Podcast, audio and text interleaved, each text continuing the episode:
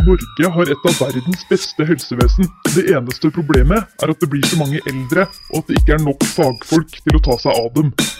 Egentlig så har vi ganske mange helsepersonell i Norge, men et av problemene er at mange slutter etter ti år i yrket. Så da spør jeg dere politikere, hva har dere egentlig tenkt til å gjøre? Ikke bare for å rekruttere nye sykepleiere, men også beholde de som er her. Det tror jeg er et litt stort spørsmål å svare på når podkasten begynner om få sekunder. Everyone clear. Do not touch patient. Shock delivered. Velkommen til en ekstra episode av Hjelp, jeg er sykepleier. I dag skal det handle om vernepleier og sykepleier. For hva er egentlig forskjellen, er det mange som har spurt om. Så da skal denne episoden hete Vernepleier versus sykepleier.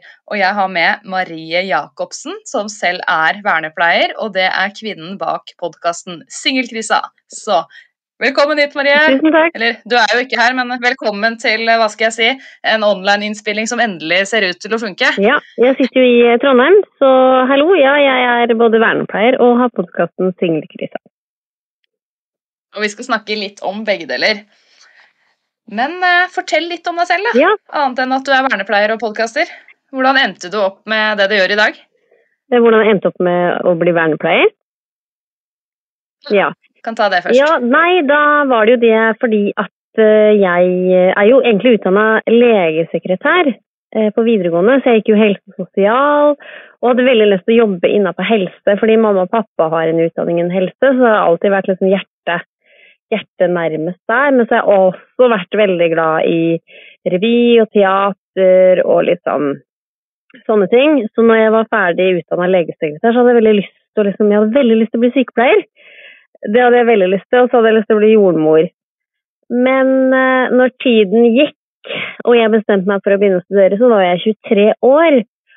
Og da hadde jeg jo reist veldig mye, jeg hadde drevet mye med revy og snusa litt på radio, så jeg visste egentlig ikke helt hva jeg hadde lyst til å bli. Skulle jeg velge journalistikk, eller skulle jeg gå for helse?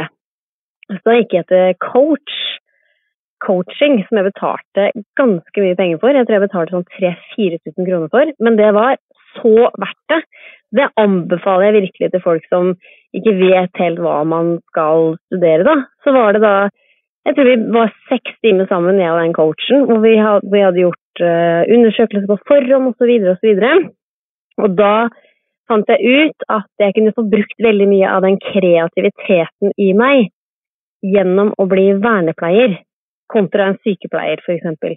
Fordi på vernepleier så er det jo veldig mye miljøterapi, man jobber jo veldig mye med utviklingshemming, og eh, kanskje man jobber på en skole. Man må være veldig veldig kreativ. Jeg kan få brukt mye av evnene mine. da. Man kan synge en sang og tralle, liksom. Man kan gjøre det på et sykehus òg, men det er ikke tid til det. ikke sant? Så ble det det at jeg valgte å bli vernepleier, og jeg har jo, jeg har jo ikke angra en dag. Jeg tror ikke man angrer på en utdannelse, men jeg angrer i hvert fall ikke. Og jeg er bare mer og mer glad for at jeg valgte å bli vernepleier og ikke sykepleier. Så bra. Men eh, når blei du vernepleier? Hvilket år? I eh, 2016. Ja. Så nå er jeg vel eh, Nei, hvor lenge har jeg jobba da? Syv år? Skal vi se, fra 2016? Ja. 16, 17, 18, 19, 20, 21, 22 Syv år! Syv år, ja. Fordi ansiennitet Jeg er ikke noe god i hoderegning jeg heller. syv år har jeg vært utdannet vernepleier, eh, men jeg har jo høyere ansiennitet enn det, for at jeg står på kravene mine. Og det burde du som hører på også gjøre. Være, ha tunge rett i munnen og vite hva du har krav på. Jeg har jo mye mer ansiennitet enn disse syv åra. Det kan vi jo bare si med en gang at all arbeidserfaring fra fylte 18 år pleier å telle. Så send inn alt av arbeidsattester og bevis på arbeid til HR-avdelinga, så kan man plutselig gå opp noen Mm. år i ansiennitet og få høyere lønn, selv om ikke det har vært helserelatert arbeid, faktisk. Ja, det er nytt nå. Men eh, Ja. Mm. ja. Du bor i Trondheim, men hvor er du fra? Vi hører jo at du ikke er trønder. Ja, nei, jeg er jo fra Sandefjord. Jeg er født og oppvokst på en gård i Vestfold. Eh, men så hadde jeg veldig lyst til å I Vestfold! Vestfold, ja. Eh, nærmere sagt Yay. eh, Kodal. For de som vet hvor det er, så er det i Andebu. Men det er Sandefjord som er nærheten av byen, ja. Men det var jo, grunnen til at jeg dro opp til Trondheim, var for at jeg, hadde, jeg har jo gått på folkehøyskole, noe som jeg anbefaler mange å gjøre. Og det er sikkert mange av lytterne dine og Helene som har gått på folkehøyskole. Eh, Alle unntatt meg har gått på folkehøyskole. Ja. men da ble det veldig naturlig å velge Trondheim, for det er eh, Jeg er jo kanskje en skaptrønder, men eh, jeg har veldig mange venner herfra, da. Så jeg ble veldig glad. Selv om jeg bør jo kanskje ikke si det her, men den skolen, altså vernepleien her, det er ikke den beste. Men jeg eh, gjorde så mye ved siden av studiene. Jeg holdt på med radio, studentradio og sånne ting, så det var ikke så viktig for meg at skolen her i Trondheim var den beste i Norge. Så jeg brydde meg ikke så mye. Men jeg har hørt noen rykter om at de jeg gikk i klasse med, de var ikke så fornøyde. Det er mulig de har blitt litt bedre nå, men vernepleien på Lillestrøm, den er veldig bra. Det har jeg hørt rykter om. Den har atferdsanalyse. Men selvfølgelig, velkommen. så bra å høre at det er noen skoler som er bra òg, da. Fordi jeg syns nesten alle jeg har invitert i poden min, de sier sånn Ja, den skolen jeg gikk på, altså jeg ble sykepleier eh, til tross for, ikke på grunn av. av. ja, nei, ja, men jeg brydde, Skole er en jobb å gjøre. ja, men jeg brydde meg ikke så hardt, for jeg eh, Nei, jeg syns, jeg syns det var bra, men de i klassen min de liksom mente at det var liksom mye sånn tull og tøys. Men jeg Nei, jeg brydde meg ikke så hardt. Jeg gadd ikke å engasjere meg så mye i det. Jeg eh, gikk på skolen og hadde fine praksiser og Ja, jeg, jeg er veldig fornøyd, for jeg veit jo ikke om noe annet. Så liksom, hvorfor gidde å irritere seg? Jeg er litt sånn, da. Men det er bare det jeg har hørt, da. Så har jeg hørt at Lillestrøm er veldig god. Så tror jeg den på Lillehammer er veldig bra, og så har vi jo i Porsgrunn også. Men uh, kom dere opp fra Østlandet. Det er sikkert mange fra Østlandet som hører på her. Kom dere opp og kom til Trondheim. Det er veldig gøy å være i Trondheim, da. Tips. Mm. Godt tips. Trondheim is the place to be. Ja. Skal vi gå over på tre kjappe? Det ene har du egentlig svart på, hvorfor du blei vernepleier. Eh, Hva er det beste med å være vernepleier? Det beste med å være vernepleier er den miljøterapien. At man eh, kan eh, Man får den litt kunnskapen når man er utdanna, og være den gode samtalen og forstå tålmodigheten og ja, psykiatribiten, da. Det syns jeg. Og at jeg kan være kreativ. At jeg på en måte Sånn som sykepleiere, som jeg har inntrykk av, så er det veldig prosedyrebasert. Det er jo liksom smertepumper eller um, Det var det jeg kom på, for det her kan jo ikke jeg, ikke sant. Men uh... Altså, believe me, vi kan være ganske kreative. Vi har masse Petter Smart og MacGyver-løsninger. Jo, jo, sånn I hvert fall hjemmesykepleien. Ja, ja, sånn sett. I, liksom, I en prosedyre, hvis ikke du har noe stativ, så henger man oppi gardiner osv. Mens jeg kan liksom ha veldig kreativiteten. Hvis det er ingen som vil dusje, så finner jeg alle mulige løsninger på å liksom få noen til å dusje, da. Det er krevende, men uh, det er vel det at det er eh, det er veldig eh, innholdsrik jobb. Det er liksom ikke Det er så mye du kan gjøre, da. Det er ikke ensformig. Da tenker jeg bare vi ja, da tenker jeg vi bare går rett over i kjernen. Hva er vernepleie? Sånn egentlig, Hva er definisjonen på hva vernepleie er? Ja, det vil jeg jo si at det er miljøterapi, da. At det er kjernen i det. Rett og slett etikk. Hva er miljøterapi? Ja, hva er miljøterapi? Du veit jo kanskje ikke det sjøl engang. Men eh, det er jo rett og slett eh, Ja, den eh, samtalen eller det Ja, miljøterapi kan være f.eks. å spille kort, da. Eksempel. Spille kort med brukere, og alle gjør jo miljøterapi.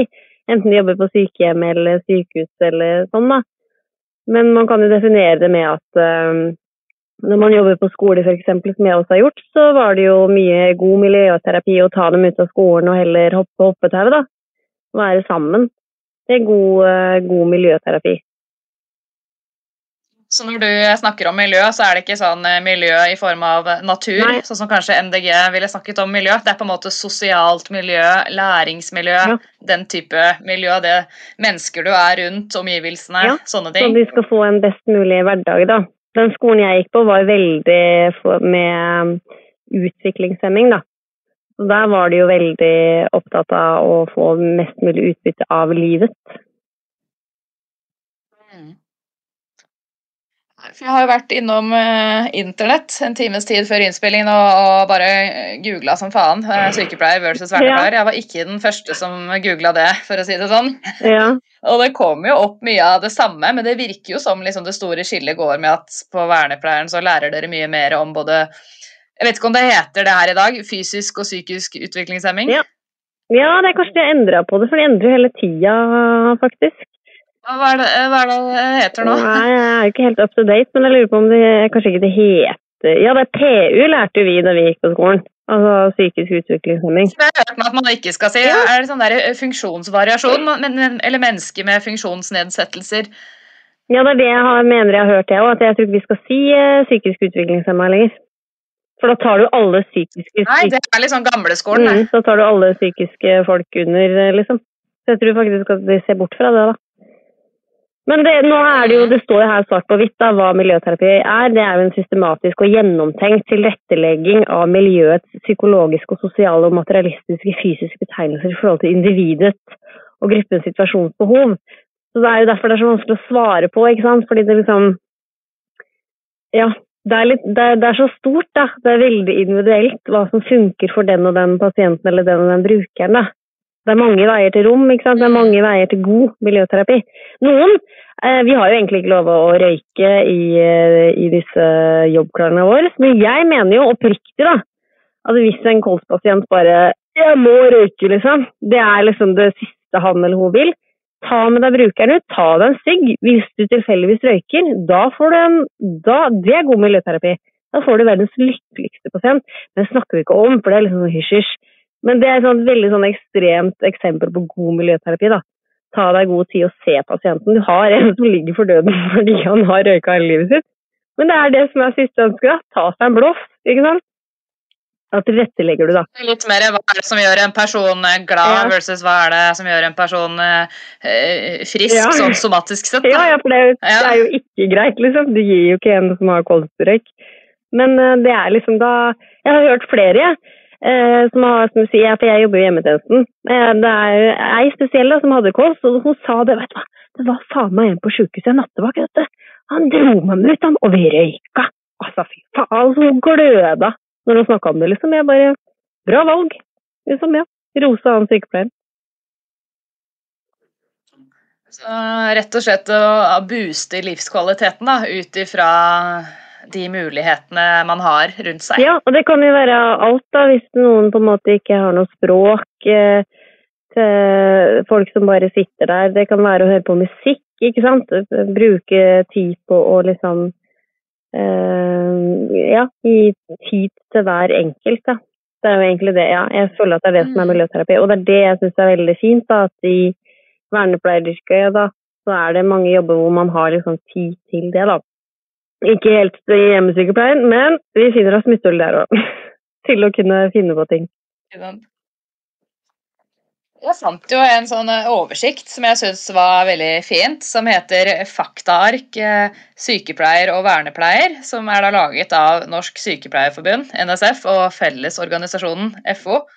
Og da står det litt sånn forskjeller på det, og så er det ramsa opp litt sånn dette er det en sykepleier skal kunne, og dette er det en vernepleier skal kunne. Mm.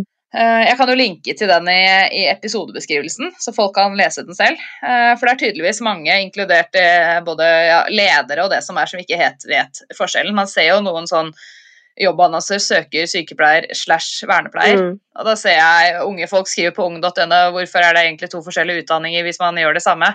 Nå får de til svar at det er ikke Hva skal jeg si? Sub... Jeg kan ikke det ordet. Det, de kan ikke erstatte hverandre, sykepleier og vernepleier, men eh, vi kan komplementere hverandre. mm, det er veldig fint å ta, dra uh, hverandre, for vi, vi, kan, vi er jo forskjellige, men det er fort gjort at en vernepleier, vernepleier kan bli, begynne å tenke som en sykepleier. Det er vi litt sånn redde for, uh, husker jeg når jeg var i praksis. Da hadde jo jeg en vernepleierveileder, og hun var sånn Hun sa et sånn godt eksempel, da. Hvis på en pasient, da. Ta et sykehjem da, som ikke hadde noe bra, da. Så er sykepleierne sånn Det er blodtrykk, ikke sant, det er CRP, det skal liksom rett på delir, mens jeg som vernepleier sånn kan jo hende han bare har en dårlig dag, ikke sant? Kanskje han er litt ensom, det er 17. mai, det kan være noe der, at uh, pasienten bare er trist. Men sykepleieren går rett Det skal tas prøver opp og i mente, ikke sant? Og det er bra, det. Men det er bare sånn artig på en måte da, at vernepleieren tenker litt mer sånn rundt at eh, det må ikke være en infeksjon. Altså Sykepleieren er sånn rett på infeksjonen med en gang. Blodtrykket. Ta et blodtrykk, Marie. Så jeg som nå jobber i hjemmesykepleie, gjør jo det. Jeg tar jo prøver, jeg òg. Jeg tar jo selvfølgelig alle prøvene, men jeg tenker jo også litt Det kan jo være noe annet, da. Ikke sant. Det er lurt, Mm. det, det er lurt å Men eh, vi tar heller en prøve for mye enn en prøve for lite, vet du. Så ikke man plutselig får sepsis. Ja, nei, det kan Nei, det er jo helt for jævlig. Altså, det går jo ikke, da dør jo pasienten. Ja, Men eh, jeg tror det er lurt det, for, nettopp. ja, at, eh, jeg tror det er lurt å liksom ha litt i bakhodet. Da, at hvis du da får negative prøver, så bare sånn Nei! Da er det lurt å liksom tenke litt sånn annerledes, da. Rett og slett. Mm. Jeg bare lurte på jeg skulle lese litt opp fra den der uh, veilederen her. Ja. På sykepleier og vernepleier. Eh, der står det Sykepleiere og vernepleiere er autorisert helsepersonell med helsefaglig kompetanse hjemlet i helsepersonelloven og må forholde seg til bestemmelsene i aktuelt regelverk som angår tjenesteutøvelsen. Sykepleiere og vernepleiere kan ikke erstatte hverandre, men er komplementære og kan sammen utgjøre et godt tverrfaglig team. Sykepleiere har en helsefaglig kompetanse, mens vernepleier har en helse- og sosialfaglig kompetanse. Begge utdanningene er en treårig bachelorgrad og består av både teori- og praksisstudier. Utdanningsløpene har ulik sammensetning av kompetanseområder innrettet mot brukergruppene. Sykepleierutdanningen er rettet mot å fremme helse, forebygge og behandle sykdom, lindre lidelse og sikre en verdig død til mennesker i alle aldre. Vernepleierutdanningen retter seg eh, særlig mot personer med utviklingshemming og andre med kognitive funksjonsnedsettelser, og habilitering, rehabilitering og målrettet miljøarbeid. Mm. Det veldig, Jeg vet ikke om folk ble noe klokere på det? Litt, kanskje? Det er veldig fin, den der um, siste beskrivelsen der. Da. At uh, habilitering. For det er jo det, når vi jobber med utviklingshemming, vi skal ikke kurere den uh, syndromet. Vi skal bare være der og henge med de og hjelpe de som har Downs syndrom eller autisme til å få et lettere liv. Og kanskje utvikle seg òg, ikke sant. For det er, jo, det er jo ikke nærmest sagt at de med utviklingshemming, selv om de har et, en lav IQ, så kan de lære seg så mye. De kan åpne en dør, Mhm. det er liksom så mye de kan eh, tilegne seg av kunnskap, og de lever jo i mange, mange mange år. Da kan man ikke bare tenke at en eh, med utviklingshemming Nei, men han er ni måneder i huet, nei. Nei, han har levd i 40 år. Det er det vi skal gå etter. Hva som er normalt for en 40-åring, ikke sant. Så det var det siste der som var veldig godt svar. Dere sykepleiere behandler og får friske folk ut. Vi bare er på stedet hvil, vi. Og har det gøy mens livet skjer, liksom. Ja, Vi fikser ikke alle, da. Vi er, kan jo også jobbe med dødssyke mennesker og i palliativ fase. At det eneste vi skal gjøre, er å lindre og gjøre altså at folk får eh, best mulig hverdag fram til livets slutt. Mm. Så det er det jeg syns er så spennende med sykepleie. da, At du kan jobbe med pasienter som møter livet for første gang, altså nyfødte. Mm. Til og med premature, de som ikke skulle vært født ennå. Og du kan jobbe med måte akutt sykdom og skader. Eh, intensivavdeling, de som svever litt mellom liv og død. Men også de kirurgiske som på en måte er litt sånn fiks ferdig, Mm. med mindre det skjer noen komplikasjoner. Eh, men også da, ikke sant, i het eh, siste fase, som noen har veldig brennende hjerte for. Mm. Men så virker som vernepleiere, der er det litt mer sånn ja, Mye mer langsiktig perspektiv, da, som bolig og sånt. At dere kan jobbe med de samme pasientene i mange, mange år. Mm. Eh, det kan man jo på sykehjem òg som sykepleier, men jeg vil jo tro at eh, i disse boligene da, med relativt unge folk, at de lever litt lenger enn de eh, på sykehjem, hvis det er lov å si. Mm. Det er jo som du sier at vi har jo en plan på en måte da, over mange år på en måte, og få dem til å utvikle seg. Disse, spesielt de som har Mm. utviklingshemming. Og så kan det være jo på hjemmetjeneste òg, at man kan få de til å bli liksom mest selvstendige som overhodet mulig. Men det er, jo, det er jo hele målet med hjemmetjeneste. Men det kan jeg jo si, da, at jeg jobber jo i hjemmetjeneste. Akkurat på min hjemmetjeneste så har de faktisk gjort et skille med sykepleiere og vernepleiere, så der har ikke jeg noe med kreft eller smertelindring å gjøre. Men min kollega hun, har, hun er vernepleier, hun hadde veldig lyst til å ta seg av det. Så hun får lov til å gjøre det, da. Mens jeg tenker at jeg vil heller bruke min energi på de psykisk syke, for det syns jeg er veldig spennende, da. Men poenget mitt er at vi har den kunnskapen, så vi kan bli opplært da, til å gjøre disse prosedyrene. Men like fullt så tar jo jeg, jeg tar masse blodprøver, setter vaksiner, eh, setter injeksjoner, sår, ikke sant. Eh, Sår lærte jeg ikke på vernepleierskolen, men det er jo noe du har lært deg gjennom hjemmesykepleien. Men blodprøver og injeksjoner og, og sånne ting, det lærte vi på vernepleier. Bortsett fra at vi lærte ikke veneflon. Eller da var ikke jeg til stede hvis vi har lært det, i hvert fall. For det for La oss snakke litt om vernepleierutdanningen nå som vi først er i gang. Det er jo en treårig grad, altså en bachelorgrad, mm, eh, på lik linje med sykepleien. Og dere lærer også anatomi og fysiologi. Ja. Dere har den samme eksamen som ja, oss. og sykdomslære. Og medisineksamen Mm. hvor alt må være rett. Ja, dere også har den uh, nullfeilsprøven i Mm. medikamentregning. Så det er vel egentlig andreåret. Hvis jeg har forstått det riktig, så er det nesten rein sykepleier, rett og slett. Da blir vi kasta rundt på sykehjem i praksis, og det er, det, er, det er et sånn tungt år, da, sier folk på vernepleien. Det er det tyngste, for det er sykepleieråret. Mens ellers Hør da må dere gjennom stell og Ja. alt det der basic nursing, som jeg kaller Sånn det. kan vi ikke bare ta en kaffe og prate sammen, liksom. Så? Det er der vi er gode, vet du, vernepleiere. Men vi skjønner jo Vi liker å prate. Ja, vi, ja ikke sant. Men vi, er, vi skjønner jo det. At vi må jo gjennom stell. Og det går du Altså, det kommer du deg ikke unna, rett og slett, i vernepleier. Dessverre. Men eh, når det er sagt, hvis vi kan snakke om videreutdanninger òg, da, så er det jo dessverre sykepleien som trekker det lengste strået, da. Det er flere muligheter som sykepleier. Vi kan, jo, kan jo gå litt videre inn på mm, psykiatri og sånn, da. Vi vernepleiere. Ja, for det også er en stor del av det dere kan jobbe med. Ja, mye psykiatri, ja. Vi er gode på rus og psykiatri. Mm. Så er det den miljøterapibiten igjen, da. Å være til stede for folka. Sant. Ikke nødvendigvis å behandle de og få dem friske, for at noen som er avhengig av rus, det, det er veldig vanskelig, da, for de som er avhengig av rus. Det går ikke over på natta. Ja, det er jo en sykdom. Ja, det er kanskje definert Ja, det er vel. Mm, det er kjempetøft. Langvarig eh, rusmiddelbruk som har skapt eh, skikkelig avhengighet, da blir det jo en sykdom. Mm. Når du på en måte må bruke det, ellers så får du abstinenser, og du, blir jo sjuk liksom, Mm. hvis du ikke ruser deg. da. Mm. Da er det fint å være der for de menneskene, da. Syns jeg i hvert fall, da. Jeg syns det er mye mer spennende Er det like mye er det like mye teori som det er praksis på vernepleierutdanningen sånn som på sykepleierutdanningen? At det er 50-50, liksom? Nei, det er det ikke. Det har jeg merka. fordi da jeg jobber nå, så har vi jo Det kommer jo sykepleierstudenter i eninga, mens vi har bare tre praksiser gjennom tre år. Men jeg lurer på om de faktisk er litt lenger. Det er, det er ti, jeg tror det er tolv uker. Ti-tolv uker. Uh, ja, ti uker ganger tre, da. Så jeg tror kanskje sykepleierflaksen er litt kortere. Men dere har én mer enn oss. Jeg lurer på om dere har fire? Har dere ikke det, eller har dere fem? Oi, det er litt sånn er forskjell. eh, forskjellig fra studie til studie. Jeg får, jeg får tenke gjennom da Mm. jeg var der. Det var eh, Første året så hadde jeg eh, åtte ukers sykehjem. Mm. Så hadde jeg vel åtte ukers hjemmetjeneste. Og så andre året så hadde jeg åtte ukers psykiatri.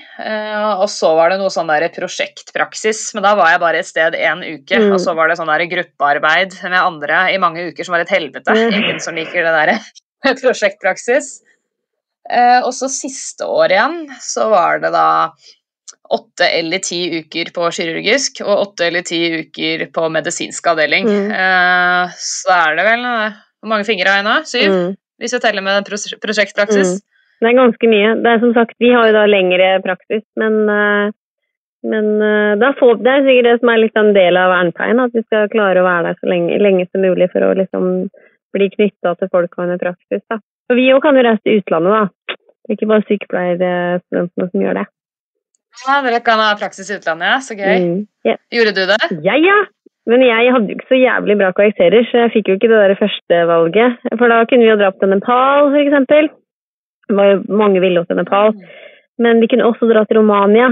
Og da bestemte vi oss, jeg og mine venner, til bare da bare kjører vi på og satser på at alle kommer inn der, da. Og det var jo smart trekk, for da var vi garantert at alle kom inn. Så da i Romania så jobba jeg på en sånn eh, SFO-lignende tiltak, som var faktisk sponsa av et treningssenter her i Trondheim. Eh, pluss, eh, ja, de får jo sponsor fra andre steder, men da er det på en måte de rikeste av de fattigste barna som får oppfølging på skole. Så kommer vi dit for å leke og sparke fotball og lære litt engelsk. Eh, at de kunne få lære engelsk, og at de blei mer sosial, eh, sosiale sterke, da. rett og slett, og hjalp dem med lekser og sånne ting. Så det var veldig fint. Mens den, de andre jentene jeg var sammen, de var på et sted med utviklingshemming. Og det jo, det er jo tøft å se. Uh, ja, det er, det er mye der som ikke er bra. Heldigvis har jo Norge kommet lenger, men vi skal ikke lenger tilbake enn til 90-tallet at vi gjorde det samme her i Norge som de gjør i Romania. Og det er jo da å binde Hva folk. er det de gjør der? Hm? Åh, Ja, det, de binder jo. Nei, det, jeg spurte hva Ja, ja. nei, det er jo for eksempel disse Jeg var jo ikke der, men disse Jeg var jo på besøk der også. Så var det en gutt som han eh, Han kunne jo gå på to bein. Han var jo en liten gutt, og jeg vet ikke hva slags utviklingshemming han hadde, men han var sprang rundt, ikke sant. Det må jo man få lov å gjøre. Så kom jo disse jentene litt tidlig en gang. Litt for tidlig for jobb, og det tror jeg de gjorde litt bevisst, bare for å undersøke litt, for det er jo ingen som gidder å komme for tidlig på en jobb. Men eh, de gjorde det, og da var han eh, Da lurte de på hvor er han, hvor er han, for han var så artig å leke med, syns mine eh, studentvenner. da. Nei, da var han bindt fast da i, med hendene bak, da. Fordi at da var det jo bare én nattevakt på jobb, det var det de sa, da. Men så de jentene, mine venninner, prøvde jo liksom å utfordre og bare sånn No, no, no, gikk en natt, ikke sant. De ble jo så godt likt. Det er fordi at vi i Norge, vi tror vi vet Jeg mener jo at vi vet bedre, da. At eh, det er ingen som skal bli bindt. Mens de mener jo kanskje at de vet best, ikke sant. Så vi kanskje utfordra de litt mye, da. Med å liksom Når vi skulle ta dem med ut, så ville de at vi alltid skulle holde de den han gutten for eksempel i hånda. Mens jeg er sånn bare run, run, du må få frihet! ikke sant? Vi er veldig opptatt av det i Norge. At vi skal ha Vi er opptatt av friheten vår.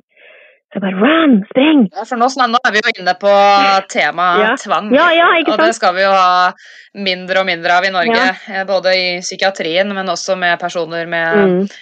utviklingshemming. Mm. Eh, og det viser seg jo det at der hvor det er bedre bemanning og be mer satsing på miljøterapi, så trenger man Eller det er mindre behov for tvang, da.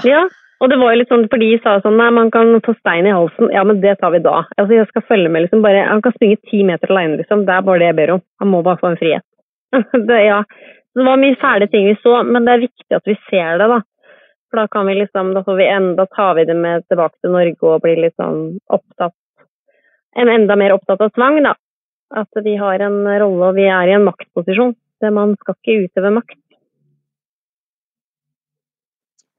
Nei, ikke ved mindre man eh, absolutt må. Ja, selvfølgelig hvis det er vedtak, så er det jo annerledes. Men eh, man skal være veldig obs på hva slags maktposisjon man har. Det lærte vi også veldig mye på i vernepleien. Man kan, det er mye makt du kan gjøre uten å tenke over det. Det gjelder å være bevisst hele tida. Absolutt bare hva slags kroppsspråk eh, man har, og man står ovenfor en Mm. person som ligger nede med armen, armen i kryss og ser ned. Det er på en måte en måte man Ja. kan eh, ja, kanskje tenke å gjøre noe annerledes. Det er bedre å sette seg ned ved siden av pasienten og snakke uten å stå over som en sånn der Mm. lost eh, figur. Eller bare det med påkledning, da. Så det er jo der. Fordi ofte med pasienter som ikke kan prate eller uttrykke seg, så trenger vi ikke bare ta en lang genser og bare hei, den skal du ha på deg. Gi dem et valg. Allerede der så vi jo, misbruker vi makten vår. Vi jo bare dette skal du ha på deg. Så det er ikke greit, egentlig. Hvis man tenker over det, da. Hva hadde du sjøl vilt? Du Vi står jo hver dag og bare hva skal jeg ha på meg i dag, ikke sant. Det er et valg. Alle mennesker har muligheten og skal ha valg. Og da blir det jo ikke frihet om de ikke kan velge hva de skal ha på seg. Så det er små ting hele veien som man ikke egentlig tenker over, da. Og så kommer du til det punktet hvor kanskje ikke det er så lurt at akkurat denne pasienten skal ha for mange valg, ikke sant? men da er det jo fordi det er eh, Da går du inn på noe annet, ikke sant. Hvis det blir for vanskelig for pasienten, da trenger man ikke få fem valg for hvilke skjorter han skal ha på. Da gir det bare to, ikke sant. Det er ikke sikkert at det er så lett for personen å ta det valget. Drit i det, da, ikke sant. Og bare Da var ikke det så viktig, ikke sant. Hele tida. Individuell, eh, individuell tilpasning hele tida. Og det er det miljøterapi er, som vi har snakka om.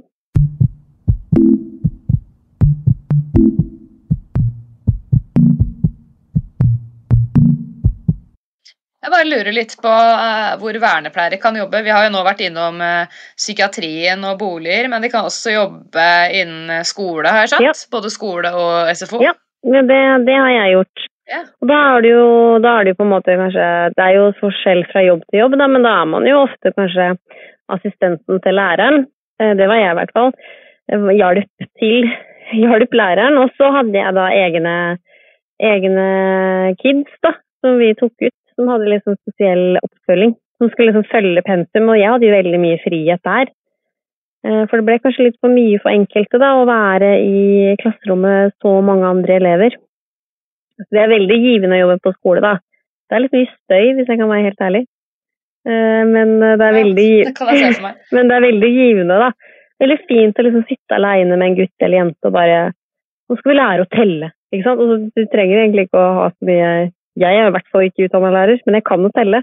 Og så det jo, har du jo boka foran deg. Det er veldig fint. Det er, Lærer dere litt mer sånn av det pedagogiske? Uh, nei, ja, vi gjør kanskje det. Det har jeg ikke tenkt over. Uh, nei, eh, nei, ja. Ja, nei, ikke så mye. Jeg tror ja, nei. Jeg var sikkert ikke den timen hvis vi hadde pedagogikk, men nei, vi hadde nei. Jeg var til tannlegen. Skjønner. Og så er det vel eh, ja, enda mer sånn sosialfaglig Nav og sånn kan vel dere også jobbe på? Ja. Det er jo Sosionomene er litt sånn flinkere der, da. Men eh, ja, ja, kjør på. Det er bare å søke. Eh, men jeg tror en sosionom tar kortet før det. Men De ble litt sjalu, tror jeg. Jeg jobbet med en Mm. eh, vernepleier en gang som fungerte basically som en uh, sosionom. Mm. Det var på nyfødt intensiven, og hun var dritflink, Mm. men hun sa at uh, sosionomene ble litt sånn uh, sjalu. da, som, Ja. Det er egentlig sosionomarbeid. Men ikke sant? da er vi tilbake til profesjonskamp, og det er så Mm. unødvendig. For vi må jo tenke på hva er det pasienten trenger. ja. De trenger å få hjelp av kvalitet, samme hva slags tittel folk har, så lenge man kan det man gjør. Men jeg skjønner sosionomene, skjønner jeg. Det er derfor. fordi at? Hvis, du, hvis de lyser ut en stilling med miljøterapi? Da, da kan du søke, Helene, som er sykepleier, så kan jeg søke som vernepleier. Og så kan barnevern søke, og så kan barnehagelærer, og så kan sosionom eh, søke. Eh, men det er alltid vernepleiere og sykepleiere som får ofte jobbene fordi vi har medisinutdannelse. da. Så sosionomene, de liksom, de, det er ikke så mye jobb til dem, og det er det som er så trist. da. Så tenker jeg at da de som jobber på Nav, da, det kan være sosionomer, da, for de er jo dritflinke. De lærer jo så mye om det her. Men det er jo erfaring som teller òg, da. Jeg søkte jo på en jobb som var sånn miljøterapijobb, og jeg bare tenkte den, altså det er meg. Jeg har jobben glatt, liksom. Nei da, det var en jævla sosionom som fikk jobben, ikke sant. Da måtte jeg jo bare back off, og bare så ringte jeg og hørte meg, jeg hadde så mye erfaring. Jeg bare ja, greit. Det var jo bare sjalusi fordi man ikke fikk jobben. Det var ikke noe med om at det var sosionom eller ikke. Men man kan faktisk jobbe på Nav som eh, sykepleier òg. man møter jo på Nav eh, veldig mange syke folk, da, Mm. vil jeg tro, siden det er folk som ikke kan jobbe av ulike årsaker. Ja. Og da tror jeg det er ganske greit å møte et menneske som ja, selvfølgelig har lært seg dine rettigheter i forhold til stønader og sånn, men også vet litt om åssen det er å være syk. Mm. Og åssen tilrettelegge for å få et best mulig eh, liv med det man sliter med, da. Mm. Jeg også tror det, men det er jo, alt kommer jo an på erfaring, ikke sant. Det er jo, ja. Så svaret på spørsmålet er ja, vernepleiere kan helt sikkert jobbe på Nav, ja. Mm. Selvfølgelig vernepleier nesten er noe imellom sosionom Mm. og sykepleier, siden dere både har medisinsk og sosialfaglig kompetanse. Ja, det kan du også si. Det er et veldig bra bilde, det også. At vi er, eh, vi er imellom der, ja. Ja, så dere har ganske mange muligheter, da, men når det kommer til sånn videreutdanning, hvor ting spisser seg veldig, der er er sykepleierne kanskje litt ledende, da, med liksom anestesi, Mm. operasjon, eh, intensiv kreft, hvor alt plutselig blir mye mer eh, både avansert, men også litt mer ja. spissa. Mm. Men vi kan jo liksom ta Jeg får jo mail støtt og stadig gjennom min kommunemail hvor det er tilbud om kurser og aldring og demens. Og? Du, kan jo, altså, du kan jo ta så mye kurser i verden liksom, hvis du har en bra jobb. Det er ikke sånn at uh, selv om det ikke er så mye etterutdanning på vernepleie, så er det så mye du kan Jeg eksempel har jo tatt et fag nå på NTNU i Trondheim, mentor. Da får jeg et par studiepoeng. Det er jo da at vi vil ta vare på de nyansatte. Så har Trondheim kommune satsa på å utdanne folk i- som mentorer. Som man har et mentorprogram. Jeg har sjøl hatt mentor, det er jo kjempefint. Ja. Eh, Så det er liksom muligheter da, til å på en måte jobbe seg litt oppover i gradene og kanskje få litt eh, tillegg. ikke sant? For det er jo lønna vår er jo jævlig ræva, rett og slett. Og da må du jobbe deg oppover for å kunne finne, finne muligheten til å kunne få penger, få høyere lønn, og det kan du få gjennom tillegg. Og da kan du f.eks. ta noen studiepoeng. Da raser du litt opp i lønn. Så det gjelder å være litt sånn kreativ da, på å finne, finne Mm. hvor du kan få høyere lønn. Men er det noen videreutdanninger å ta, da? Som ikke er bare kurs? Kan man ta mastergrad Ja, du kan det. med et eller annet som vernepleier? Mm, Psykiatri. Ja, i hva da? Psykiatri. Ja. Eh, det kan du. Og så tror jeg egentlig at du kan ta ganske mange masterutdanninger. Jeg veit om da om du kan ta tegnspråk, for det henger jo litt uh, i hop ofte. Det er mange Vi har jo utviklingshemming ofte hvor de hører dårlig. Eksempel Downs syndrom, det er jo en del av, del av greia deres å hø- høre dårlig. Så det, det mener jeg har ei som jeg gikk i klassen med som gjorde det. Og så, ja, jeg tror du kan bare klasje oppå mye mastere, så lenge du har karakterer nok. Det har ikke jeg, men jeg hadde litt fokus på litt mye øl under min studietid og være student. Men, ja, men eh, samme det. Jeg er kjempefornøyd med å være den vernepleieren jeg er, og at jeg nå liksom tar sånne ekstra ting, da, som mentor f.eks. Jeg lurte på jeg skulle lese opp enda litt mer fra den der blekka, jeg. Ja. På liksom sånne der, uh, forskjeller. Eh, det blir veldig sånn der eh, ja, tørt og faglig, da. Jeg kan ta sykepleierne. Så er det sykepleiere har følgende læringsutbytter på kompetanseområdet helse, sykdom og sykepleie. Eh, og da står det bred kunnskap om menneskets grunnleggende behov, bred kunnskap om sykepleierens helsefremmende, forebyggende, behandlende, habiliterende og lindrende funksjon, inkludert kunnskap om palliasjon, bred kunnskap om menneskekroppens anatomi og fysiologi, om de vanligste symptomer, sykdom, sykdomsforløp, behandling, så er det også smittestoffer, smitterisiko, infeksjonsforebyggende tiltak, bred kunnskap om aldringsprosess og eldres særegne behov, bred kunnskap om fysisk helse og de vanligste psykiske lidelsene, kunnskap om farmakologi og legemiddelhåndtering relatert til sykepleierens Det er sånn avkappa her, så jeg ser ikke alt som står. Printeren min var litt teit. Eh, ja. Biokjemi, mikrobiologi, antibiotikabruk og resistensutvikling. Kunnskap om rus og avhengighet. Kunnskap om barn og unges normale utvikling og særegne behov, inkludert kunnskap om medvirkning og rettigheter. Jeg kan si det der Barnegreiene lærte vi ikke så veldig mye om på bachelor i sykepleie. Eh, Jeg tror jeg var på én forelesning jeg, om de vanligste barnesykdommene. Eh, That's it. Lærer dere noen barn på vernepleien? Ja, om seksuell atferd og om overgrep. Det vil jeg tro. Ja. Det var mye. Men ikke noe Mm. Ikke noe hyggelige greier, altså. Nei, dessverre. Uh, dessverre. Nei. Eh, Men uh, Nei, for det husker jeg veldig godt. Uh, om overgrep og om sånne ting, da. For det følger jo på en måte um, Ja, det er jo Ja. Mange barn er jo et lett bytte, da. Så vi hadde i hvert fall mye om seksualitet og om overgrep, da. Ja, fordi det er vel sånn at de barna dere jobber med, de er jo en ekstra sårbar gruppe som kanskje ikke kan forsvare seg Mm. selv, kanskje ikke helt har språket alltid, eller fysikken til å forsvare seg. Mm. Så veldig viktig at dere lærer om den delen med Mm. barna, selv om det er selvfølgelig grusomme greier. Men det er jo Det skjer jo, dessverre. Ja, men heldigvis så er jo jeg utdanna Jeg er jo, som jeg sa innledningsvis, jeg er utdanna legesekretær. Så jeg er veldig takknemlig for at jeg har det helse- og sosialgreiene i bånn. Eh, For der lærte vi mye om barn. Herregud, der var det fra null til null, tre og det, ikke sant? det var jækla mye. Så jeg har mye Det er jeg veldig, veldig glad for. Så jeg anbefaler, hvis det er noen Ja, som For det er vel en stor gruppe som kontakter fastlegekontor, eh, foreldre med små barn. Mm. Ja, ikke sant. Det er det også, men det her var liksom på helse og sosial, rett og slett grunnkurs at vi lærte mye om, eh, mye om barn. da.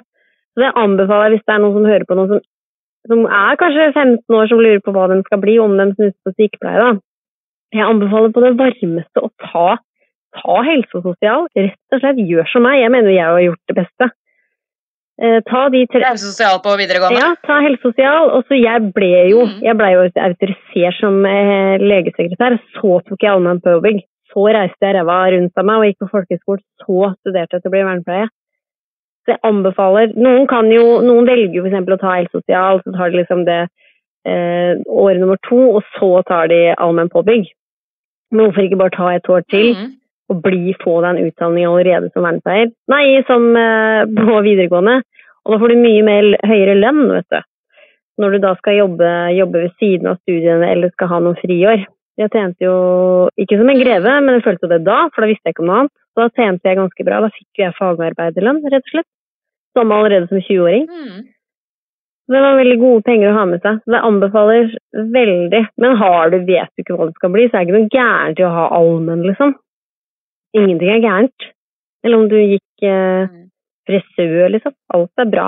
Men jeg anbefaler veldig. Generelt eh, ja, yrkesfag Mm. eh, på videregående. Det er veldig fint, for da får man også litt eh, praksis. så Man får litt fri fra det teoretiske innimellom. Mm. Og det er veldig deilig hvis man er, fort blir litt skolelei, sånn som meg, da, så kan man jo ta påbygning seinere. Ja, men det er lurt å bare få det gjort, da. For det er ofte så bare Å nei, nå er jeg så lei. Men bare Jeg hadde jo en bra ordning at jeg hadde Ja, ta påbygning, ja. mm. Men jeg hadde jo en bra, Ja, bra ordning med at jeg da hadde tre år. Når jeg skulle ta påbygg, så var det mange fag som jeg var ferdig med. Så jeg hadde jo bare 20 timer i uka som allmenn påbygg. Ikke sant. Skal jeg ta og bare lese opp eh, vernepleiernes læringsutbytter og kompetanseområde, da? Ja, gjør det. Jeg kan jo ikke ikke ta den når jeg har tatt Nei. eh, sykepleierne. ja, her står det bred kunnskap om sammenhenger mellom helse, funksjonshemming, funksjonsnedsettelse og sykdom i et individ-, samfunns- og livsløpsperspektiv. Bred kunnskap om folkehelsearbeid, sykdomsforebygging og helsefremming på individ-, gruppe- og samfunnsnivå. Bred kunnskap om årsaker og forhold som påvirker kognisjon og somatikk og atferd generelt, og kognitive funksjonsnedsettelser og utviklingshemming spesielt. Bred kunnskap om hvordan helsesvikt, sykdom og funksjonsnedsettelser påvirker fysiske, kognitive og sosiale funksjoner i et livsløp. Står ikke det, har det stått to ganger? Jeg føler jeg leser veldig mye av det samme her. Ja, men det er noe mye du har sagt tidligere, da. Menneskets, ja, menneskets fysiologi, anatomi, grunnleggende behov og utvikling i et livsløpsperspektiv. Det er veldig mye der et livsløpsperspektiv. Mm. Eh, Kunnskap om symptomer og behandling av de vanligste somatiske og psykiske kunnskapene innen fagområdet. Kunnskap om generell farmakologi og legen, legemidlers virkning og bivirkning kan oppdatere sin kunnskap om forsvarlig legemiddelhåndtering, og kjenner til aktuelle pasientforløp. Perfekt. Det er én ting da, som ikke, ikke sto her på, på sykepleieren, faktisk. Og det var noe av det eh, akuttmedisinske. Eh, Det burde jo stått der. fordi selv om vi ikke lærer uhorvelig mye om det, for vi er jo ikke en paramedic, så skal man jo lære litt eh, om ja, akuttsykepleie. da. Så Rart at det ikke sto på den lista, egentlig. Men nå forteller jo du det er derfor man må høre på din podkast, ikke sant? Da får Yes. du alt uh, The truth. Ja, der får du det der. Så kort fortalt, velg vernepleie. Ikke sykepleier. ja, hvis du vil drive og dulle, så kan du ta vernepleier. Du har litt mer spennende hverdag enn sykepleier. Nei, men man- det er jo Sykepleier er jo mye mer prosedyrer. Prosedyrer, prosedyrer. Men uh, vernepleier er litt mer sånn uh, slapp. I psykiatrien. Ikke psykiatrien. Den eneste prosedyren der er å sette sprøyte i rumpa på folk, sånn jeg har skjønt det. Ja, men da, ja. Ellers så er det mye av det samme som dere gjør Ja. i psykiatrien. Men eh, det er ikke noe latmannsjobb, eh, selv om vi Det er mye jobb i det å sitte der med en kaffekopp. Sånn seriøst, da. Jeg har skjønt det. Det er fryktelig mye arbeid. Ja, nei, det er liksom å Ja, grunn. spise sammen, eller ja, bare at de blir sett, da. Mm, Mm. det er veldig viktig. Ja. Det virker som at sykepleiere og vernepleiere kan jobbe eh, med mye av det samme i psykiatrien, men Mm. også litt i helsetjenesten, altså hjemmesykepleie og, og sykehjem. Da, bare Ja. at det er noen prosedyrer som kun sykepleier kan gjøre. Men når det kommer til liksom somatikken i spesialisthelsetjenesten. Eh, Jeg har ikke sett noe særlig vernepleiere på, på en måte medisinske og kirurgiske Nei. sengeposter. Nei, det er ikke. Det var hun ene vernepleieren på nyfødt intensiv som jobba egentlig mest som en sosionom. sosionom. Ellers Mm. er det lite å se etter eh, vernepleiere på sykehus. Ja, vi har ikke Der er vi ikke så gode, på en måte, da.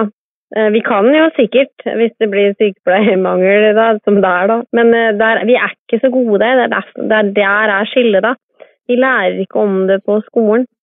Så det er eh, Dere har jo praksiser på det og sånne ting, så at vi Nei. Så det er det jeg liksom pleier å si liksom der, kort fortalt, at vernepleiere vi jobber liksom ikke på sykehus, da. Der er på en måte skillet, da. Ellers så har vi de samme jobbene. Dere hadde helt sikkert vært velkomne, Ja, ja, ja. Altså, så masse folk som vi Mm. trenger. Altså, som jeg skjønte, Sykepleierne prøvde å sparke ut hjelpepleierne sånn på 80-tallet og bare ha-ha, we're taking over. Mm. Ja. Men nå er det sånn oi, fuck, vi savner dere. Ja. Kan vi bare få inn hvem som helst? Jeg driter i om du går på videregående, bare et menneske. Ja, ja, ja. Nei, se, det tror jeg helt klart. At hvis du som vernepleier har kjempelyst til å jobbe på sykehus, så ja, du er nok helt sikkert velkommen. Det, det tror jeg på. Sykehus trenger jo også dusjing og miljøterapi og noen å skravle med over, eh, over kaffekoppen. Mm, det er ikke så mye tid, tror jeg, har inntrykk av, på sykehus.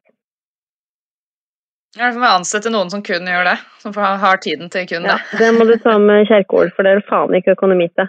Så det, den, sak, Den Kjerringa der, altså. den saken er død. Mm. Vet du hva, Noen av de gangene jeg får mest tid til å snakke med pasienter, eh, det er når jeg skal gi blod, for da må du sitte der det Mm. første kvarteret Ja. og observere at ikke de får et illebefinnende. Så da kan man prate om uh, Gud og en hvermann og alt mulig rart. Mm. Ja. Det er sant. Da, Så hyggelig å gi blod. ja, det er klart. Mm.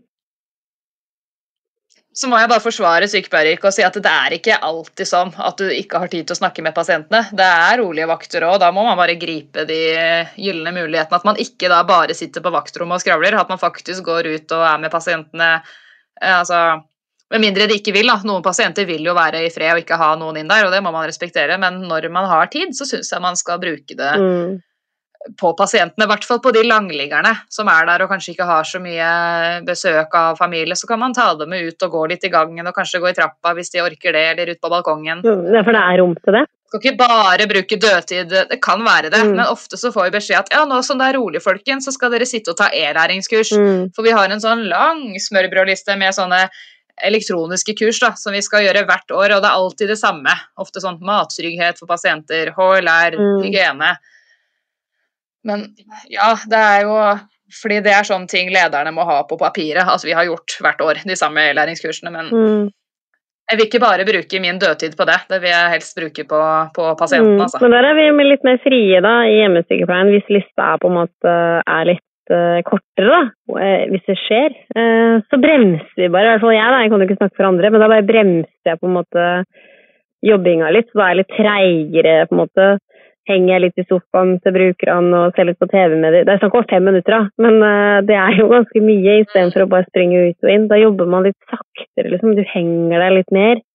Så det er veldig fint. Det er veldig gøy med de dagene hvor man bare bare slenger meg ned på sofaen, jeg. Pasientene bare gløder. Ja, sleng deg ned, må du ikke sovne! De syns det er veldig stas, da.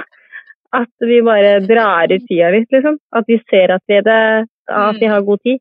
Så det er viktig å vise at vi også setter pris på de, da.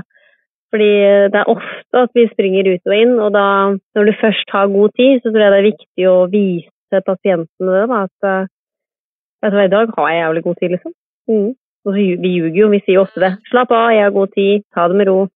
That's a fucking lie. But, uh, vi må jo vise det til pasienten. Ja, det er en kunst det å prøve å late som man har god tid når man ikke har det. Ja, i kroppsspråket ljuger jo ikke. Men hvis du kommer opp i en akutt situasjon, så er det jo bare Da må du jo bare. Ikke sant?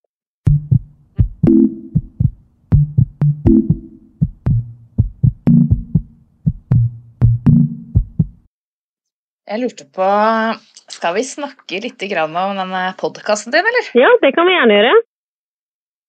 Ja. Singelkrisa. Hvordan ble denne podkasten til, og når ble den til? Den ble til i 2018, fordi da var jeg singel, som jeg også er nå. Eh, og da var det fordi at jeg var ferdig utdanna vernepleier. Og da så man jo for seg at man da hadde kjæreste i boks og utdanning i boks, og da kunne på en måte livet starta. Men eh, det var jo ikke sånn. Eh, og da syns jeg det var liksom mye greier rundt med det. Og så jobba jeg allerede i studentradioen i Trondheim. Og da lagde jeg da en, et program på det, da, rett og jeg hadde lyst til å snakke om liksom singellivet, da. Så podkasten, det er jo jeg som har den uh, aleine, og så har jeg ulike gjester hver uke. Hvor vi prater om alt fra det, alt fra første date hvordan man kommuniserer, uh, denne tvilen som oppstår når man blir kjent med noen, til uh, det å reise aleine og det å være god som singel, det å ha det gøy som singel, det å være aleine, ensomhet. Og så er det er veldig mye humor, da. Vi ler veldig mye i den podkasten her, for det er, det er ikke så jævlig trist å være aleine. Så vi må kunne le av ting. Men det er veldig mange interessante gjester. Eh, Den er jo utømmelig. Man kan jo snakke om alt innen singellivet. For nå vi blir vel flere og flere single i Norge. Er vi ikke 1,4 millioner single? Det stemmer. Det stemmer. Man er faen ikke Yes. alene. Men uh, det er jo veldig gøy, fordi det er mange som kommer til meg og liksom Jeg har blitt på en måte en sånn rådgiver som singel. Fikk jo melding av natt av en dame, hun var dritings, tror jeg. Og bare sånn Hei, Marie! Ja! Marie, jeg klina med naboen, hva gjør jeg nå? Jeg bare slapp av, slapp av. Så tar jeg meg liksom tid, da. Så liksom prater med henne og bare Liker du han? Nei, jeg gjør ikke det, men jeg møter han i gangen og Ja. Og det er ofte Så det er bare for du som hører på, det er bare å Du finner meg på uh, Instagram. Singelkrisa podkast heter jeg der. Da kan du komme inn og bare Jeg elsker jo sånne caser. Uh, når folk bare 'Hva gjør jeg nå?' 'Jeg liker hun som jeg trener med. Hva faen gjør jeg?' Så, det er jo bare å gå bort og si hei, liksom. Men det er så gøy, den spenninga. 'Nei, jeg tør ikke!' Jo, kom igjen. Hjelpe det litt på vei. Det syns jeg er veldig gøy. Lunden, du detter litt eh, ut og inn her Ja. eh, når du blir for ivrig. Jeg blir så engasjert. Jeg er kjempeengasjert i singellivet. Mm. Jeg bare lurer på den der mentorutdanningen. Ja. Er det egentlig sånn mentor for single? Ja, ikke sant? Eh, Ja. Nei, jeg skal faktisk i, i Mens vi tar opp nå, da, så skal jeg faktisk ha eksamen i, om to dager. Men det er veldig fint. Jeg veit jo ikke om Nå kan jeg bare snakke for Trondheim, da. Men eh, vi har jo hatt da Det er jo da ett års Det er jo ett fag. Og så er det jo Trondheim kommune som har liksom tilrettelagt. Vi får fri fra jobb. Vi får lønn, altså rett og slett lønn for å dra uh, hele dager. Sånn som en gang i måneden, da, fordelt på åtte måneder. Uh, så det er en veldig sånn fin måte å, å bli kjent med andre sykepleiere og vernepleiere, og prate, og ja, rett og slett å styrke, styrke at folk ikke slutter, da. Rett og slett. Det er veldig fin. Og så kan man jo bruke den mentorutdannelsen til å bare prate med kollegaer, for vi, i jobbene våre så står vi i mye dritt. Så det er veldig fint så at man kanskje kan bli utdanna på det å være en god lytter og liksom spørre de riktige spørsmåla, så at de kan føle seg helt sterke. Nesten litt sånn fadder, Ja. fadderordning, Ja, rett og slett. Ja. Fadderordning. Det er det mange sånne store firmaer har, sånn ingeniør som har liksom fadder, ja. Det er rett og slett det. Det er bare at vi kaller det for mentor. Mm. Det er veldig artig. Det høres litt mer kult ut. Eh, Ja, det høres veldig kult ut. Det er veldig fint. Jeg er veldig glad for at jeg gjorde det. Man får da ti studiepoeng, da. Men, eh, men, det, jeg, men da er det 50 til, da. Så blir det lønn. Mer lønn. Begynner sant? Mm. Ja, Det var egentlig bare en, en digresjon, for jeg tenkte at du var sånn mentor eh, for de single. Jo, jo, tar Vi skal tilbake til singelkrisa. ja, Nei, men jeg tar jo den utdannelsen med i mentoringa, ja, som singel, ja. Ikke sant? Kan bruke det til det. Men hvor får du på en måte all eh, inspirasjonen eh, fra? Om det du vil lage episoder? Du har jo alt om liksom utestengt fra Tinder til frykten for å bli avvist. Jeg vet ikke, har, har du laget noen egen episode om eh, hvorfor folk sender dickpics? Ja, det er jo 190 episoder der ute, så er, vi har vel snakka om det, ja. Vi kan godt ta det opp igjen. Inspirasjonen er meg sjøl. Jeg tenker jo som en hest. Jeg tenker og tenker og tenker. Så jeg, jeg undrer Jeg har nok litt en sånn journalist uh, i magen. Jeg tenker mye og undrer mye og lurer på mye. Så det er, det er meg sjøl jeg får inspirasjonen fra. Og, lytt, nei, og lytteren og vi på Instagram, da. Når de kommer med en case, bare 'hallo, hva gjør jeg nå?' Jeg får liksom, jeg er liksom alltid på leit, og jeg er ofte nysgjerrig. Leser mye på nettet om singel og ja. Jeg er jo et øh, Ja, det er meg sjøl og andre, på en måte. Jeg er veldig søkende da, på det feltet. Veldig Mhm. interessert i det, så da får man jo inspirasjon. Hvor lenge har du vært singel? Det er så dumt å si, for det, det har mamma sagt. Det bør du ikke si til lokalavisa eller noen andre. Jeg har vært singel i 13 år, jeg har mista tallet. Jeg er mulig det er 14 år, jeg vet da faen. jeg. Ikke sant? Det er ikke attraktivt å si det siden eh, 2009-2010. Ja. Så det har jeg fått beskjed av mamma faktisk, å ikke si tallet. Nå sa jeg det, da. Men uh... Nå har du sagt det. ja. Ja, men jeg tror det er fint, fordi da, da kan andre tenke at å, det er ikke bare meg, liksom. Altså, du er jo ikke den eneste av de 1,4 millioner single som har vært singel så lenge. Jeg forsvarer meg sjøl. Jeg har hatt eh, mye forhold, da. Eller for sånn der, Jeg har jo hatt relasjoner. Ja, du lever ikke i skolibat. Nei, så jeg har hatt gode, fine Møtt mange fine menn opp igjennom, men det har ikke blitt noe. da. Så jeg har sikkert blitt en sær, bitter, eh, sær singel dame.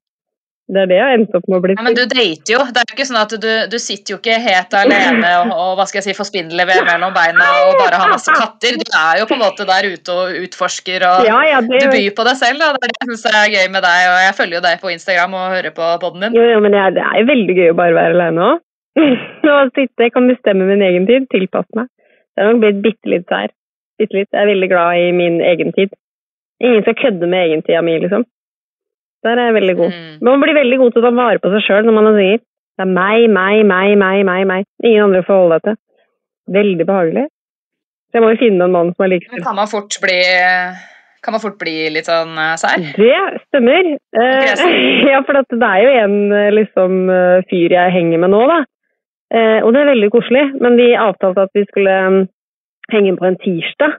Og da var det noe i meg som bare sånn Helst ikke da, for da skal jeg se på TV. Altså, det går et program hver tirsdag som heter Gift ved første blikk. Og så tenkte jeg Marie, drit i det. Hvis du vil ha deg noen, så må du drite i det TV. Så da ble det jo han istedenfor, da. Men da eh, slo det meg at nei, gud, nå har jeg blitt sær! For liksom, hver tirsdag så pleier jeg liksom å se på TV og kose meg og liksom spise noe godt og Nei, så jeg har blitt litt sær, så jeg tar jo meg i det og bare Jeg møtte jo selvfølgelig han istedenfor. Men jeg prøvde å se på det mens vi hadde den daten, da. Men det gikk jo ikke, for han prata jo så mye. Da kan du jo se på, på Dplay. Du trenger jo ikke å se på Gift med første blikk hver tirsdag. Du kan se det når som helst. men jeg vil jo Det er ikke Dplay Discovery Plus, heter det nå. Jo, jo, men det har den særheten at det er liksom halv ti så begynner programmet, eller halv ni, eller. Ja, jeg er jo kjempeteit noen ganger. Men uh, da tar jeg meg i det, da. Bare Nei. Mm. Jeg har litt uh, Når man er singel, eller Ja, og som et menneske, så har man jo rutiner, da. Det gjelder liksom Vil man eh, slippe opp på rutinene? Og det bør man jo gjøre, da. Hvis ikke så blir du aleine og ensom. Break the pattern, Mm. rett og slett. Ja. Jeg lurer på, Har du noe samarbeid rundt denne poden? Altså, du har jo et fast studio, får du noen inntekter, og hvordan på en måte finansierer du det hele?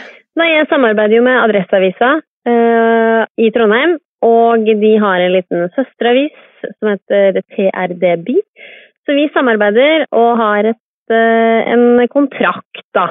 Du trenger ikke å si Det er ikke sånn så hemmelig. Nei, nei, det er sånn taushetsbelagt Ja. kontrakt. Jeg også har det. Sånn. Nei, altså, vi har, vi har, nei, vel, altså, vi har et samarbeid, rett og slett, jeg og Adresseavisa. Jeg eh, De publiserer eh, Jeg eh, låner studio og kan henge her, og lage lager podkasten, og de lytter igjennom og lager overskrifter og publiserer hele greia, mens det er jeg som finner gjester og klipper og styrer, og jeg gjør jo alt. ikke sant? Så det er rett og slett et samarbeid da, som vi har. Jeg har egentlig ikke noen Har du noen annonser? ja, de kommer fra Acast, tror jeg. Når man hører på Nei, jeg har ikke hørt noen annonser i din eh, så langt. Så jeg lurte bare liksom på hvordan du får Eller sånn Må du betale noe for å bruke studio? I don't know. Nei, nei, jeg betaler ingen dritt. Så dette er jo et samarbeid, ikke sant? nei, så det er Ja, Men da, da skal jo ofte begge få en gulrot hvis det er et samarbeid. Så jeg bare lurte på where's the catch? Hva må du gjøre for å de, få studio gratis, liksom? De får klikk på deres uh, avis, ikke sant? Mm. Because of my face. Nei, jeg vet da faen, jeg. Det er et flott samarbeid, da, kan du si. vi, drar, Ja. vi har vært sammen i fire år, vi. Jeg og Adresseavisa. Så vi eh, elsker hverandre. Jeg kommer og går og til alle steders tider og klipper og limer inn. Og de publiserer, ja. De får mye klikk, da, vet du, på sakene. Ikke sant. Skal vi kjøre på med litt eh, Q&A, da? Ja. Litt spørsmål fra mine følgere? Gjør det. Ja. Ja, da, da, De går egentlig rett på. Eh, Hvorfor velge vernepleierutdanningen fremfor sykepleierutdanningen? Nei, det, kom, det, er, det er jo veldig vanskelig spørsmål å svare på. Hva, hva er forskjellen? Nå har vi jo egentlig snakka om forskjellen, da, egentlig. At det er mer individuell eh, psykiatri, miljøterapi på vernepleier. Mens sykepleier er eh, mer behandle veld, Veldig mye sykdom, da, kan du si. da. Så det spørs hva man Man kan også jobbe forebyggende. Hvis man blir helsesykepleier, og sånt, så er det jo mer forebyggende Mm. at man møter friske folk. Så jeg tenker Det kommer jo litt an på hva man, eh, hva man foretrekker. da. Hvis man har et veldig hjerte for mennesker med enten fysiske eller kognitive funksjonsnedsettelser eller rus og psykiatri i litt sånn bolig- langtidsperspektiv, så er kanskje vernepleier helt perfekt. Mm. Også hvis man vil bruke det i skolen. Det vil jeg jo svare på spørsmål du skulle svare på, da. Mm. Men jeg tror man kan tenke liksom, hvor har du lyst til å jobbe? Hvis du nå er usikker på om du skal bli vernepleier eller sykepleier, spør deg heller hvor har du lyst til å jobbe. Hvis du alltid har en drøm, drøm om å jobbe på sykehus, da er det jo sykepleier du skal bli. Men hvis du alltid har sett på Tangerudbakken og syns det er veldig gøy å jobbe med utviklingshemming, som jeg syns sjøl er gøy, da velger du vernepleien. Prøv å tenke litt hva, hva, hvor har du lyst? Hvis du har lyst til å jobbe på skole, slipper du turnus, ikke sant. Du tjener mye mindre, men eh, for de som liker å jobbe fra mandag til fredag, da, er det jo mer safe da, å bli vernepleier, for da har du garantert jobb i skole, da. Det er jo kamp om jobbene selvfølgelig, da. Men eh, da har du en sjanse, da. Så jeg ville gått ut ifra det. Hva, hvor har du lyst til å jobbe, og så tar du det derfra. Har du lyst til å bli jordmor, da må du for all del ikke velge vernepleie. Da velger du sykepleier, ikke sant. Ja, ja, det er mye, mye forskjellig som sykepleier, det Mm. kan jeg si. Det er alt fra offshore til eh, babyer i køse, på en måte. Mm. Det er mye, det er et hav. Det er veldig Men man kommer ikke gjennom at man må gjennom kneika med på en måte stell og alt det der i, i praksis når man er student. Og man må igjennom, man må virkelig lese, ikke bare pugge, men også forstå anatomi, fysiologi, biokjemi. mm. Ja, det var det jeg skulle spørre. Læ- Lærer dere om på en måte bakterier og virus og Mm. smitteveier og antibiotika og sånt ja, ja. ja. på vernepleien? Mm, ikke så mye antibiotika, men veldig mye om smitte og hygiene, ja. Herregud, ja. Men det er jo kjempeviktig. Ja, det er kjempeviktig. Ja, For vi har jo mye stell. det er det. Mm. Stell i bolig, og det kan jo være f.eks. stell og søl i, i skole. Det er kjempeviktig. Jeg syns bare det er rart at ikke barnehagelærer lærer om det. Men det er jo en helt annen debatt. De burde jo absolutt lære om når man eh, tørker og vasker bleier, og det kan fort bli urinveisinfeksjon hvis man ikke vet det. Det sier jo seg sjøl at avføring ikke skal i vagina, men det er ikke alle som forstår hvor Ja, er man baby, så blir det bæsj overalt, Ja. så det går som regel fint. Mm. Men uh, jo eldre man blir, jo mer farlig blir det å få bæsj på tissen, da, hvis man kan si det sånn. Å ja, det er ikke så farlig som barn? Nei, baby bæsjer jo Har du sett en jente, Ja. eh, jentebaby bæsje, eller? Når du skal skifte, det er bæsj overalt. Ja. Gnikka inn i Ja, og da Jeg er veldig nøye, overalt, altså. jeg er veldig nøye Og det er ikke sånn at de får urinveisinfeksjon hele tiden, Nei. men du skal jo vaske det bort. Ja. Og du skal jo, det er jo fint å tenke at man vasker øverst ved Ja. tissen først, og så tar man en ny klut og vasker ved rumpa, så man ikke gnikker det. Det er jo sånne hygieniske prinsipper som jeg egentlig syns det er rart at ikke alle kan. Eh, når jeg ser noen voksne mennesker åssen de steller seg, at de noen ganger tar kluten og vasker seg bak først, og så foran, og så vasker de på låra sine med den samme kluten. Det har jeg sett voksne folk gjøre. Eh, da ble jeg sånn I alle dager skal du ikke bytte klut? Nei, men jeg tror jeg det er forskjell på folk. At, eh, at da er kroppen ja, voksne mennesker er det Det er pasientene mine, ikke vennene mine. ja, ja. Men jeg tror kroppen er vant med Da er den Ja, for det er jo noen pasienter ja, som bare Herregud, det er full av møkk, liksom. Men de er aldri syke. Så det er jo kroppen venner seg til ting.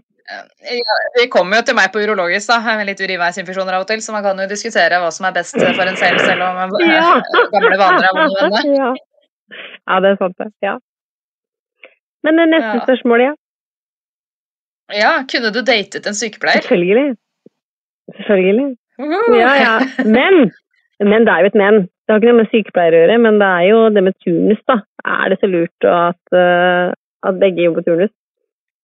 Det er en helt annen eh, Ja. debatt. Men sykepleiere kan date, men ikke leger. Det, de jobber ræva av seg, altså. Det, nei, du må ikke finne på å date en lege. Sorry for de legene som hører på, men de jobber Har du prøvd? Nei, men jeg har blitt anbefalt å ikke gjøre det, så jeg har bare, jeg har bare holdt meg unna. De jobber så mye. De har jo aldri fri. De, de jobber, de jobber ræva av seg, liksom. Og flinke er de. Kjempeflinke. Men eh, de er veldig sånn akademiske, disse legene, vet du. Det er bedre med en sykepleier. Jeg tror jeg aldri har møtt en singel lege. Jeg syns alltid leger er sammen med andre leger. Det stemmer, og det må, hverandre på studiet. ja, og det må man aldri gjøre. For jeg har jobba som legesekretær, så jeg har jobba under mange leger, så jeg har hørt alt her. Aldri, leger må aldri finne leger, og de jobber, fordi det er fordi de jobber så mye. Mm. Men hva vet jeg, da? Det kan hende de har et helt fantastisk ekteskap, men det er liksom ryktet som går, da. Mm, ikke sant. Men jeg, jeg husker jeg tenkte litt på det da jeg eh, var singel og var på datemarkedet. Det er sånn, Ser disse mannfolka på meg som liksom dårlig wife potential, da? Fordi jeg ikke kan være hjemme hver jul, og jeg kan ikke liksom alltid komme og legge barna på kvelden, for jeg er på jobb. Jeg bare lurer på om det er en boomer for enkelte folk at en person jobber tredelt turnus. Nei, de veit ikke om det. det jeg, nå skal ikke jeg snakke for eh, alle, da, men jeg tror ikke de tenker over det. Jeg tror de, Når de er, sitter i saksa og har funnet deg som sykepleier eller vernepleier, det er da de bare Ja, det var litt kjipt.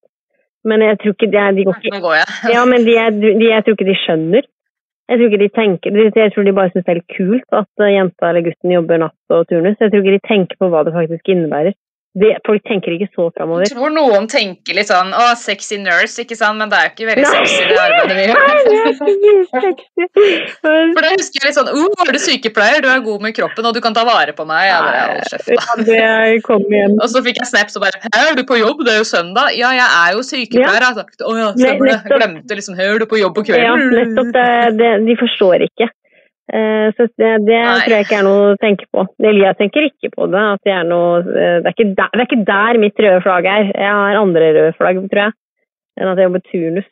Det, nei, det er ikke noe Da kan man jo gå bort fra da. Altså, Man er jo ikke lost til å jobbe turnus bare fordi man er helsepersonell. Det går an å finne dagtilstillinger. Ja, man tjener dårligere, men mm. samtidig, noen bruker det som argument. Ja, hvis dere skal ansette meg, så skal jeg faen meg beholde tilleggene mine, ellers så gidder jeg ikke. Mm. Noen er litt sånn harde på det, og så får de det likevel. Så Ja. ja.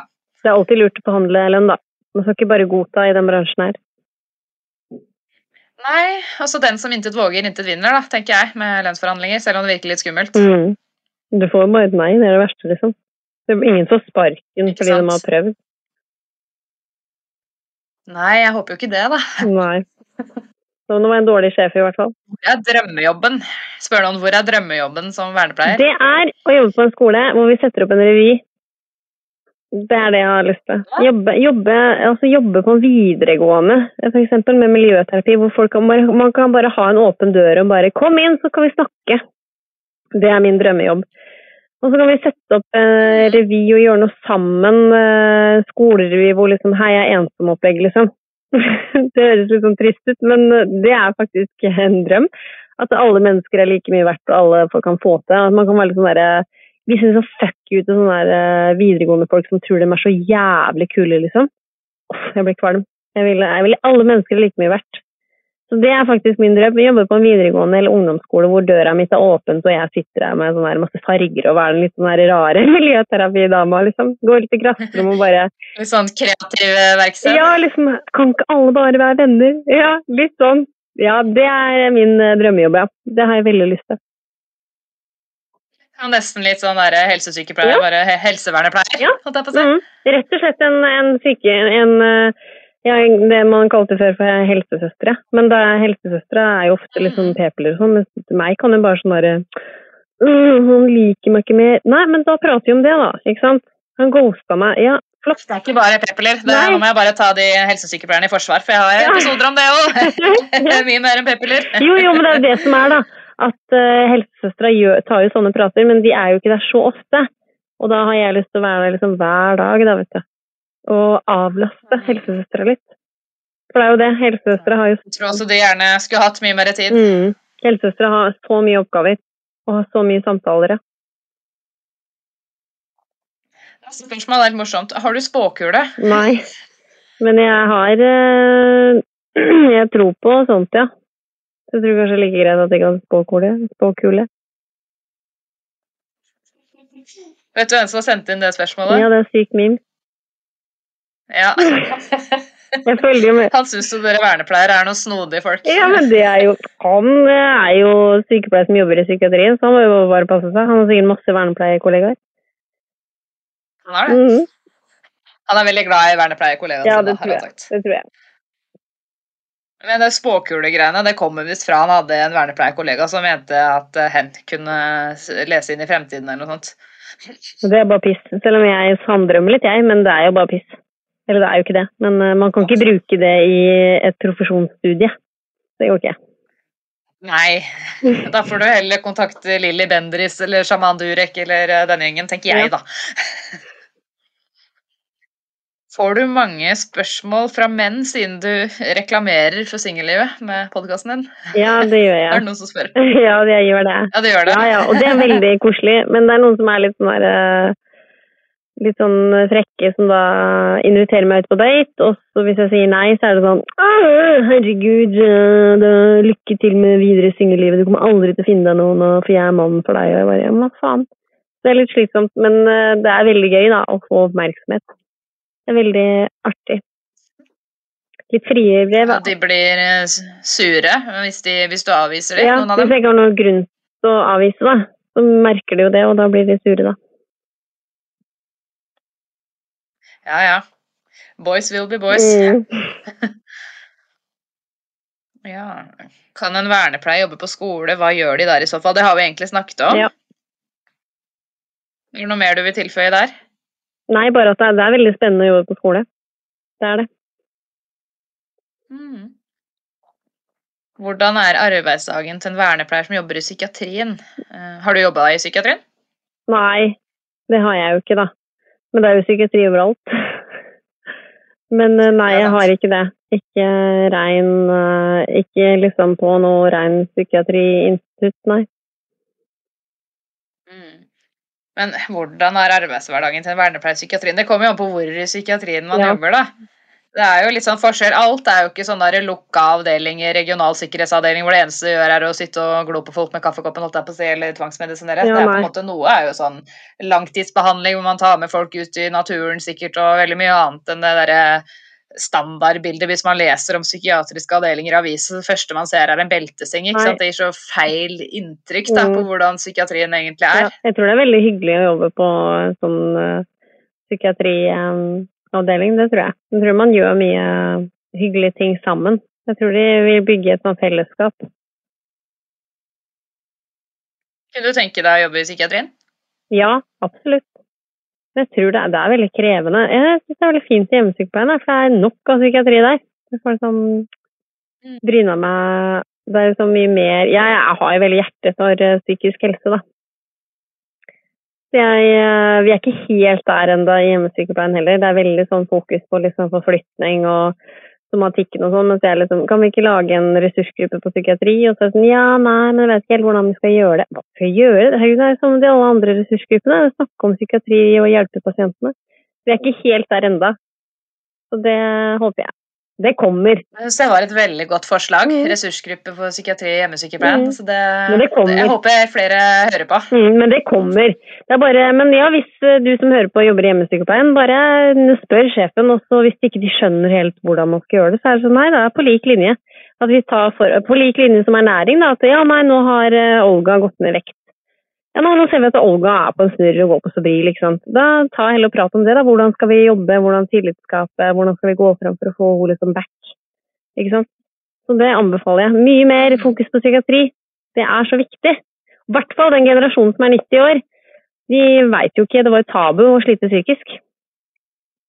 Mm. De veit jo ikke. De bare 'Å nei, men jeg er syk'. Nja. De bare har litt tanker. Mm. Og det er viktig å ta tak i, da. At de sliter litt. Veldig viktig, for det er jo det verste som er, at man blir Ja. deprimert på sine eldre dager. Herregud, det er kjempetrist. Og det er det mange av. Det er mange, mange Sobril-folk. Rival, det er ikke måte på. Få det bort. Snakk om det. Ja, og det er det som er så trist i helsevesenet, da, at i stedet for å eh, sette av tid, penger og ressurser på relasjonsbygging, eh, Mm. så er det liksom mye lettere å bare gi folk en pille, og så dra videre Ja. til neste. Eller sette dem på antidepressiva istedenfor. Dagsenter. Kast dem rundt. Det har vært veldig hyggelig å ha deg her. Ja. Jeg lurer på om vi skal runde av. Ja, det har vært veldig hyggelig å gjeste. Da sier jeg bare takk for at du ville gjeste podden min, så gleder jeg meg til å slippe episoden. Ja, det blir veldig gøy. Det blir veldig gøy. Tulledu! Ha det bra! Takk for at du hørte på Hjelp, jeg er sykepleier. Hvis du likte episoden, blir jeg veldig glad hvis du vil dele den videre på relevante plattformer. Jeg blir også veldig glad hvis du vil anbefale den videre til venner, kolleger, medstudenter eller andre folk du tror kan få glede av denne podkasten. Hvis du vil få varsling neste gang det slippes en ny episode av Hjelp, jeg er sykepleier, så er det bare å trykke på abonner-knappen her hvor du hører på podkast. Hvis du vil komme med ønsker for podden, eller gi meg tips eller tilbakemeldinger, eller bare følge meg og mitt podkasteventyr, så er du hjertelig velkommen til å følge Hjelp jeg er sykepleier på Instagram. Hjelp jeg er sykepleier er også på Facebook, men det er på Instagram det er desidert mest aktivitet. Der har du også mulighet til å stille spørsmål til Q&A til fremtidige gjester av podden.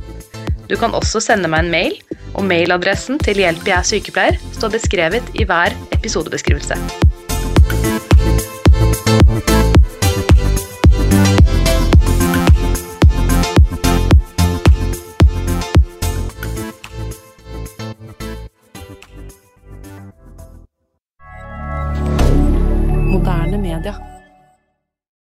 Har du et enkeltpersonforetak eller en liten bedrift? Da er du sikkert lei av å høre meg snakke om hvor enkelt det er med kvitteringer og bilag i fiken, så vi eh, gir oss her, vi. Fordi vi liker enkelt. Fiken superenkelt regnskap.